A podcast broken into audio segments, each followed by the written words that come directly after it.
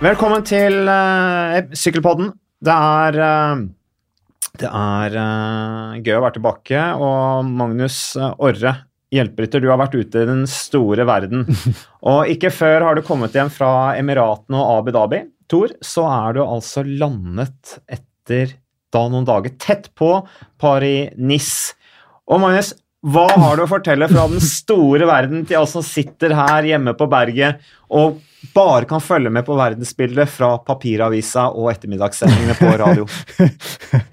Nei, eh, hva skal vi si. Uh, Paris-Nice er, er, jo alltid det gøyeste sykkelrittet å dekke i løpet av året. Hvorfor det? Fordi du drar fra sånn minus fem og ubrukelig vinter i Norge til 15-20 og sol i Frankrike. Og så er rytterne litt sånn tidlig i sesongen, så de er ikke så lei media ennå. Mange blir litt lei oss, med god grunn. Men nå er de fleste villige til å prate, ta seg litt tid. og så var det jo Alltid artig sykkelritt. Har vært inne på før. Paris-Nice uh, funker jo alltid som underholdningsprodukt. Uh, norske, de norsk, ja. norske bidragene var jo så som så, som ja. vi har dokumentert uh, greit gjennom at ryttere bryter og er syke og krasjer og diverse. Men uh, for sykkelnerder tror jeg Paris-Nice uh, leverte sånn som det pleier å gjøre. Som den globetrotteren du er, Magnus, fra en skala fra én til ti, hvor mye mer gøy var det å være i Paris-Niss enn i Abu Dhabi-tour? altså, Eller motsatt fall, eventuelt? Altså, Abu Dhabi er jo jevnt over bånn i bøtta. Frankrike er toppers. Så du liker deg Frankrike? Er ja, du frankofil? Nei, det er ikke men jeg er veldig glad i, veldig glad i Sør-Frankrike. Som de aller fleste folk i verden er, vil jeg tro. Det er ikke litt for snobbete nede på, nede på NIS for deg? Altså. helt perfekt. Du liker deg? ja, det, det, og, og, du var jo der også da sammen med oksen fra Grimstad. Eh, for oss i TV 2 så er han vår egen brumlebass og sykkelekspert av Tor Husa. Hvordan var formen på Tor Hushovd? Hvordan så han ut? Vi så han, han på TV, da. han trener jo en del, men han, han driver på en måte å ta Insta og Snap og sosiale mediebilder underveis i treningsøktene sine. Og Da mener jeg, da kvalifiserer ikke det som trening. Nei, det er det merke til, altså. Ja, så det, det er ikke og så er han ikke på Strava? Nei, men så spiller han sånn, sånn, sånn, sånn tennis, sånn padel. Pa Padeltennis? Ja. Så, jeg, jeg, Med Deschamps, treneren til Frankrike, er det ikke det? Om det er et rykte eller om det er sant, det er Nei, det på. Det er sant. Det er sant. Nei, men han så, så bra ut, han. Han gjorde absolutt det.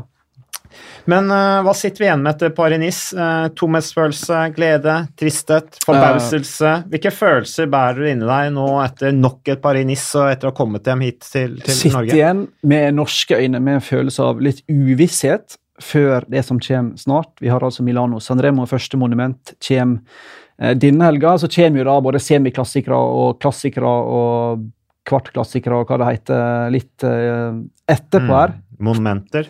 Monument. Så poenget er vel bare at Kristoff um, var veldig god i begynnelsen av sesongen. Uh, vant i Oman. Briljerte som opptrekker for Gaviria i UAE-tour.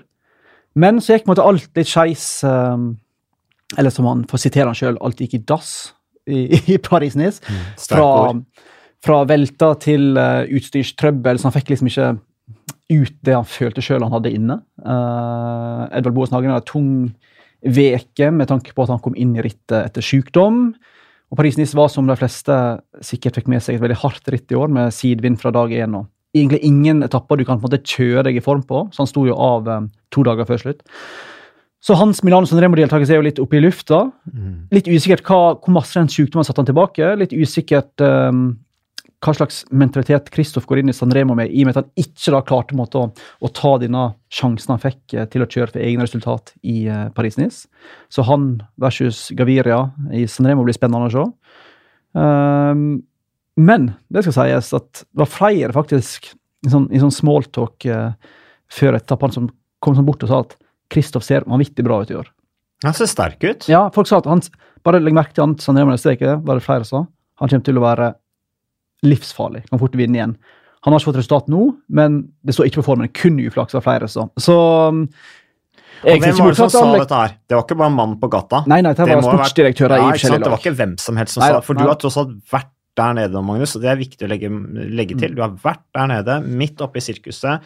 Du har snakka med folk, mm. Eh, og folk tett på, de sier altså at Kristoff ser bra ut. Han ser skarpere ut enn på lenge, var vel flere sa. Så, mm, og Gaviri har jo ikke akkurat overbevist i Treno Adriatico. Så de går vel inn sikkert som et slags eh, eh likestilte, sidestilte kapteiner, vil jeg tro. Men jeg tror i hvert fall ikke det er formen det står på hos Alexander Kristoff, så uh, Sanremo kan bli Vi meget gøy med norske, med norske øyne. Gaviria detter opp detter opp uh, siste stigning, hva heter den stigningen? Poggio. Uh, og Kristoff er der i spurten. Folk er slitne. 300 km. Han har restituert seg til Paris-Nice. Sulten på seier. Kliner til. Spørsmålet er om noen tatt, samme hvor god du er, om du kan hamle opp med quickstep og Astana. Nei. Han fortsetter å liksom bare ramle altså bare Det bare drar de seire ut fra høyre og venstre i, med alle mulige ryttere i alle mulige scenarioer. Så hva de to lagene driver med, er litt uklart, men de er iallfall i kanon... Nei, jeg mente ikke, jeg mente ikke i, i dopingøyemed. Kommer det noen insinuasjoner bare her? Ja, jeg bare tenkte mer sånn. På lufta? Mer Nei, men de, vi er imponert over Astana Quickstep. Ja. De, nå, vi har er allerede mista tellinga på selv. mange ritt de har vunnet. ikke sant? Og de er jo sånn, Så fort Quickstep har vunnet ett ritt, så vinner da Astana det neste. For det virker som de konkurrerer nå om å ha, vunnet, ha flest seire. Ja, spesielt med Astana er det spesielt, for du har, det er et lag uten en eneste reinsputter. Du kan si at Magnus Kort Nilsen, eller Magnus Kort, som han har lyst til å bli kalt. Ja, det er visst det som er riktig nå. Eh, er jo en god spurter, og du har flere raske ryttere. Men det er ingen rene spurter, da, og likevel har du vel um, per dags dato, som altså er tirsdag, Ingen regne, hva mener cirka rein 19 seire. Nå var det masse uheldige du formuleringer. at Jo, Antyder absolutt ingenting. Nei, men hvis, hvis vi ser litt på lagsammensetningen, så er altså på UAE Team Emirates Alexander Kristoff uh, står der sammen med Gaviria. Jasper Philipsen, belgieren, unge førsteårsproffen, eh, eller world, førsteårs World Tour-proffen, uh, som jo vant en etappe i, uh, i eh, Tour Down Under. Riktignok etter at eh, da Calvium ble disket. stå på laget UiA Emirates. Og Sven, vår egen Sven Erik Bystrøm. Sven Erik Bystrøm virker jo Hvordan syns du han virket, det du snakket med han? Uh, han sa han følte seg grei. Uh, ikke super, men, Men følte seg ok. enn før. På siste etappe sa han også i et intervju du hadde med han. Mm. Ja da. altså Han har jo hatt et uttalt mål om å, å bli litt bedre i disse korte bakkene, som en da får i, i, i San Remo. Så jeg tror han følte seg ok, men klart um, Det viktigste for han som han sa, er jo at det å sykle så hardt ritt, nesten samme hvordan du gjør det, gjør at du kommer på et litt høyere nivå i de påfølgende ukene. At du får så mange dager på strekk med så harde gjennomkjøringer, gjør at formen kommer. Så um, vi får håpe han finner formen. Og så skal jo Grønne Alliansen sykle San Remo. Han så jo meget sterk ut. Og var jeg, både sykdomsfri og uhellsfri og øh, hadde en veldig god uke i Paris-Nice. Så det blir spennende. Spennende å se på det laget til eh, Team Jumbo Visma. Uh, Amund Grøndal Alliansen nevner du, han er selvskreven på det laget. Vi eh, er veldig imponert over eh, Eller jeg er veldig imponert over det jeg så fra han i Paris, særlig på disse første etappene, som jo virkelig var på en måte hans terreng, hvor han gjorde en jobb for Dylan Grønveggen. Men Dylan Grønveggen står jo også på lagoppstillingen til, til Team Jumbo Visma til Milano San Remo. Det skal jo bli litt spennende å se på han, da. Er jo opplagt i kjempebra form, han også, med all den julinga de fikk på disse to første etappene, og han gikk seirende ut av det. Klarer han Porcio, tror du? Denne Nei. oksen av en rytter? Ikke? Nope. Jeg tror det er altfor tidlig. Kan godt hende jeg ser ut som en idiot på lørdag ettermiddag når jeg sier det, men jeg tror det er um, Det var jo sist liten de bestemte seg for at han skulle sykle, så jeg tror de er innforstått med at her er det i hovedsak eh, et tilfelle av at han må samle sitt erfaring på å teste ut løypa, for å kanskje i åra som kommer kunne klare å hevde seg. Jeg tror det er for tungt, eh, for tungt for han nå, altså. Ja, de må i hvert fall satse på motvind og veldig kontrollert opp da Poggio. Men eh, ellers så har du jo Wout van Ert, eh, som da altså den tidligere verdensmesteren i sykkelcross ble jo to i år etter eh, etter uh, van der Poel. Uh, står på lagsammensetningen til Jumbo Visma. Og så har du Danny van Poppel, uh, som jo også er en brukbar spurter, og er ganske bra også i harde spurter. Danny van Poppel har jeg lagt merke til. Skal bli spennende å se på han, om han henger med over Porcho, hvis da ikke Dylan Gronveggen gjør det. Og la oss si at Dylan Gronveggen henger med over, Dylan, uh, Amund Grønvold Jansen henger med over, uh, Walf van Eyck og Danny van Poppel. Hva, hva om Danny van Poppel henger med over der sammen med Dylan van Gronveggen? Det blir litt av et opptrekkstog, altså. Ja, men jeg, jeg bare ser, samme hvor sterkt Jumbo viser meg, så ser jeg bare ingen mulighet for å kunne komme forbi eh, Quickstep-gutta og Astana-gutta. På den måten at Quickstep vil jo ha eh, Viviani som kan spurte samle seg. Så har du Gilbert Stybar à la Philippe, som kan gå i, i, i brydd. Og så har du Astana med hele laget som er sjukt gode om dagen. Og så har du en Sagan som er, har vært sjuk og ikke helt i toppform, men som har en egen evne til å være i toppform når det gjelder som mest. Så Sam Bennett, da? jeg ser ingen som kan se Nei, jeg tror ikke det. Tror du ikke Sam Bennett? Nei, jeg tror ikke han er Ja, hvis det samler seg, så er det selvfølgelig mange Hvis det samler seg, vil selvfølgelig mange kunne melde seg på. Mm. Og han er jo blant jeg vil påstå, topp tre raskeste spurtere i verden. Hvis han finner posisjonen sin, så er han livsfarlig. Men Han kommer bra over tungt terreng, relativt bra over tungt terreng også. men jeg tror bare det er for mange brudd, sterke ritt, altså type Lutsenko eller Filip, som har øh, interesse av å kjøre hardt tidlig. Så jeg tviler på at det kommer til å samle seg i en stor spurt. Det, er veldig spennende med strategien til de ulike lagene i eh, Milano Sanremo i forhold til hvilken taktikk de bruker, også som du nevnte Quickstep med eh, à la Philip Gilbert. Altså, hvordan skal de gjøre det? Det blir kjempegøy å følge på. Åsen Hagen står altså på lagoppstilling sammen med Giancomo Nisolo, som jo kommer fra Trekk Segafredo, italienske Nisolo, som jo vel da blir eh, den eh, beste rytteren Dimension Data har til en avslutning i Milano Sanremo, Vil jeg anta du ser litt sånn tvilende ut, eh, Magnus? nei, jeg bare tenkte på et annet tema. Ja vel? Fyr løs, kom igjen. La oss bytte tema med en gang. Um, vi, uh, når Nairo Quintana stakk på siste etappen, så merker du at publikum i, i, i målområdet NIS ble veldig sånn gira. da. Mm. Og jeg tror det var ingen der som holdt med, med Nairo Quintana eller hadde et spesielt nært forhold til han. Men jeg tror det var sånn unison greie, i alle fall i Frankrike, om at oi, det hadde vært utrolig gøy hvis Sky for en gangs skyld ikke skulle klare liksom å, å kontrollere dette inn.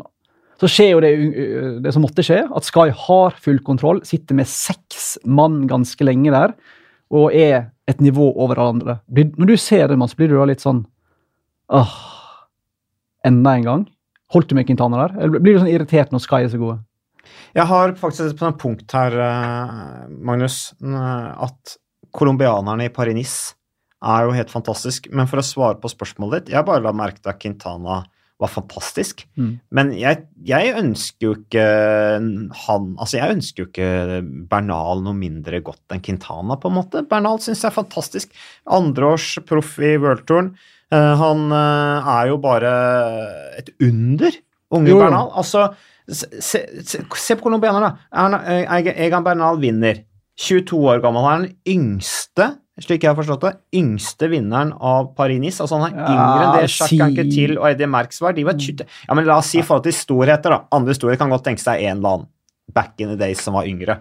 Men, men i forhold til storheter som Jacques Anquetil og Eddie Merckx, de var altså 23 år da de vant Paris-Nice for første gang. Contador og Indurain, også tidligere storheter, kan vi jo trygt si, eh, var 24 da de vant eh, Paris-Nice for første gang. Eh, Og Egan Bernal skal jo også sykle Catalonia rundt, som vi for øvrig skal sende på TV2 Sport. Quintana på andreplass. Du heiet altså på Quintana? er det Nei, det det er ikke det jeg sier. Men, eh, Som jeg den fikk- Sky-hateren du er? Nei, jeg har ingenting mot Sky. Men uh, poenget mitt var bare om, om du, som mange andre, blir litt sånn lei av at Sky er så mye bedre enn resten. Eller om du syns det er, er nei. greit. Det syns jeg ikke, Magnus. Fordi at jeg ser på Luke Rowe, og så tenker jeg, vet du hva, jeg unner det laget der alt godt. Ja, ja, for På- del. Altså, Luke Rowe, fantastisk. Jeg, jeg syns vi skal hylle hjelperytteren litt òg. Og vi snakker om vinneren og ser på resultatene, og liksom de var bra, de var ikke så bra. Men se på den måten Luke Rowe sykla på i Paris. Ja. Det var bare helt vanvittig, syns jeg, hvor sterk han Jo, er. altså, det, er- det er en gjeng med utrolig sympatiske folk. det er ikke det jeg mener. Men jeg tror sånn som Tor Husås sa, at det hadde vært deilig hvis Quintana holdt unna bare for å vise at det er mulig å slå dette der, det der monsteret som er Team Sky. Da, de som bare har i kontroll alltid. Skal, eh, Movistar vant du i fjor. Mm. Hvorfor skal de da vinne igjen i år? Hyggelig at noen andre gjør det. For en gangs skyld noen andre enn Movistar vinner NIS.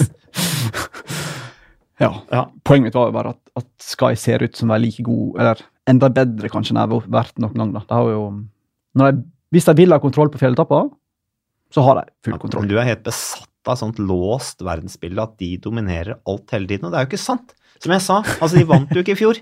Så la nå Sky få lov til å vinne litt, de også, da. Stakkars. Ja. Hæ? Sånn som de jobber og sliter. Med bl.a. Luke Rose, som for øvrig syklet helt fantastisk. Ellers, hvis vi er inne på colombianerne, eh, det var det som var poenget. Og så tilbake til Naro Quintana, som blir nummer to. Og nå er dette, Du tvitra det jo, du også. Jeg husker ikke hvor du fikk det fra. Det var et eller annet sted et eller annet bilde du fant med en annen resultatoversikt. Hvor altså, hvis da Quintana kommer på podiet i Criterion Dauphiné, da, som er senere i år et av de siste oppkjøringsrittene i Tour de France, da blir han altså den første herrerytteren i historien som fullfører på podiet i alle de store enukers etapperittene. Og det er da altså Paris-Nice, Terreno Adriatico, Catalonia rundt, Baskenland rundt, Romandie rundt, Criterium Dauphiné og Sveits rundt. Quintana har altså vært på podiet i alle disse, bortsett fra Criterium Dauphiné, og da blir han altså den første i historien. Så som du skrev på Twitter, med en veldig treffende kommentar, Quintana er nok større enn det dere Hva var det du skrev? Det kan mange kanskje tro. da, for jeg tror mange Ja. når i 2012-2013 at folk tenkte at Quintana kom til å vinne Tour de France i alle fall fem ganger før han la opp. Og så har det gått noen år, og så har han vunnet Giro i Italia, vunnet Vuelta i Spania, vært på pallen i Tour France tre ganger. Men liksom aldri vunnet Touren. Så jeg tror mange opplever at Jeg tror en del i hvert fall tenker at han har ikke helt levert på talentet sitt. da.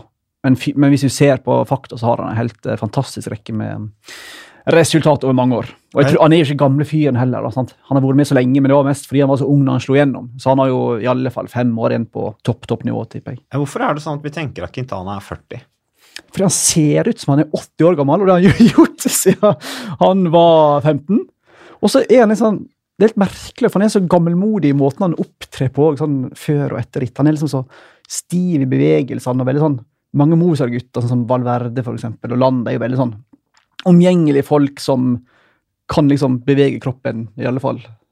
Sånn som sånn jeg har lyst til, det, men Quintana er veldig sånn Du føler han går med stokk hele tida. Skjønner du hva jeg mener? veldig sånn Det er liksom ikke noe liv i den. Nei, det er veldig sånn tomt, men eh, Han virker vet så sørgmodig, Ja, liksom, altså, trist, bekymra type. Jeg tror ikke han syns at vi tabloide medier er så veldig interessante heller. Han er alltid veldig høflig og sånt, men jeg tror ikke det gir han så veldig masse å, å gi av seg sjøl til media. Ja, vi heier på Quintana. Vi håper han eh, vinner Tour de France.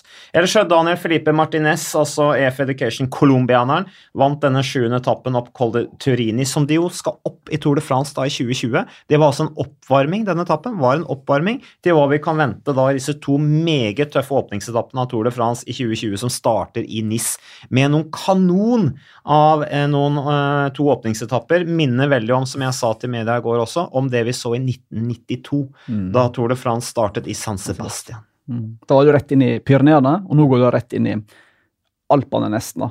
Ja. Men er, det, er det OK? Da slo Richard Virenk eh, gjennom for RMO-laget sammen med Pascal Lino. Det var første gang vi virkelig så disse to unggutte, franske ungguttene herje i fjellene. Men du får altså da i NIS i Tour de France Grande Par 2020 vil du få sannsynligvis en spurtetappe på den første. Litt småkupert, men jeg tipper det blir en, en spurt. Og så vil du få en ganske kupert på andre etappe allerede. Altså Collo Turin er jo da 1600 meter over havet. Er det greit eller ugreit å ha en fjelletappe så tidlig i Tour de France, Mats? For rytterne veldig ugreit, for oss publikum helt herlig. Fin konklusjon. Mm, trenger ikke å si noe mer enn det. Men uh, poenget er at de gutta må jo stille deg med friske bein. De må jo være i form, da. Altså, Du kan ikke på en måte jeg kommer inn i Tour de France litt sånn spare siste lille. Du må være på hugget fra, fra start, så det kan koste eh, på slutten av disse tre ukene. Ellers, eh, bare for å ta den siste oppsummeringen av, eh, av colombianeren, Daniel Felipe Martinez, altså var rå, syns jeg, i denne avslutningen opp eh, Colle Turini, og Miguel Angel Lopez, som også var sterk i fjellet, men han blåste vel, eh, blåste vel bort på disse flate etappene.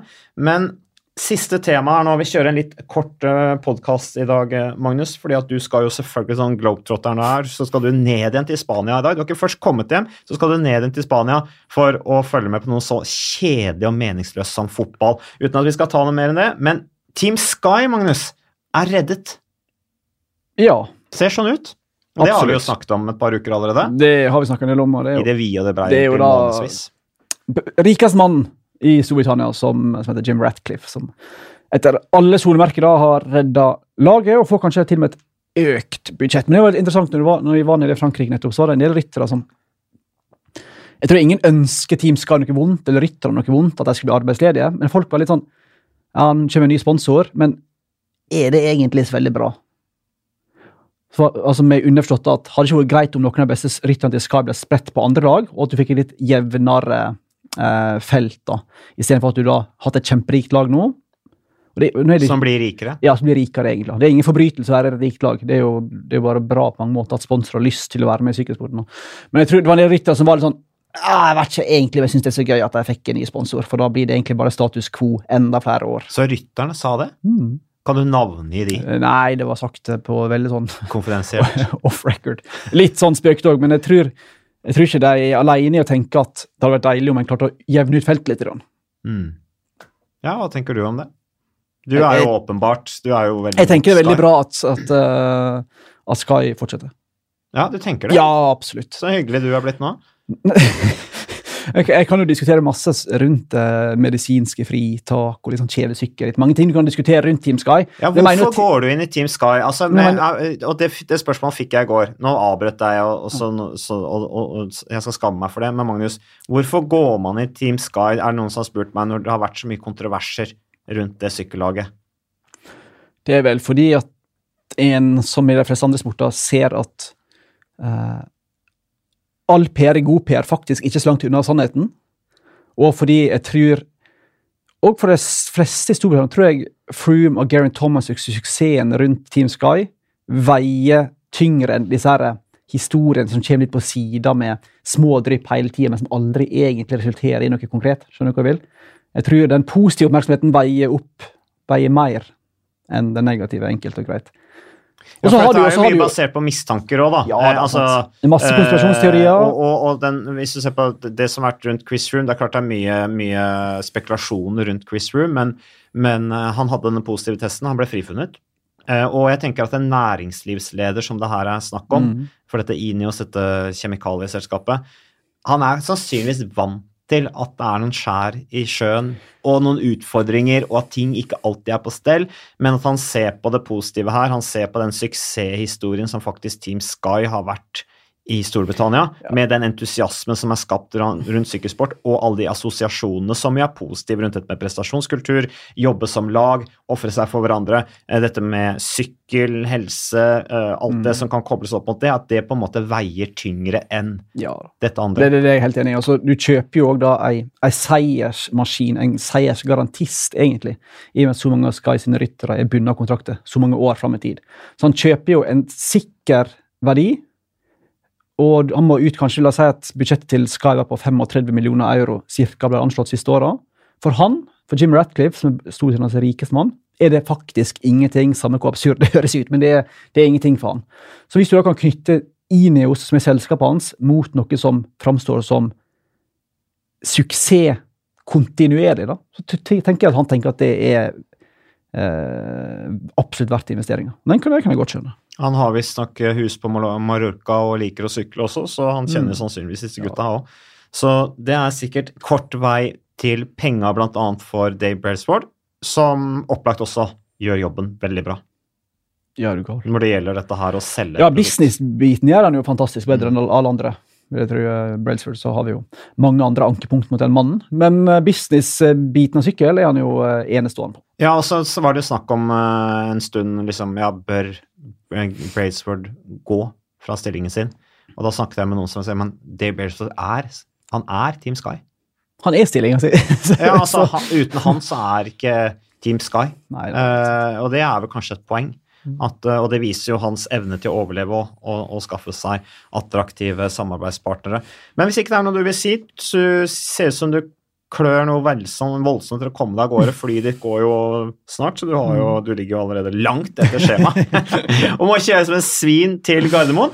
Eh, og vi ønsker deg god tur videre, Takk, Magnus, hvis ikke det er noe du vil legge til. Nei. Nei, men da ønsker vi lytterne velkommen tilbake, og så ønsker vi dere bare all hell og lykke videre. Takk for oss. Takk for det.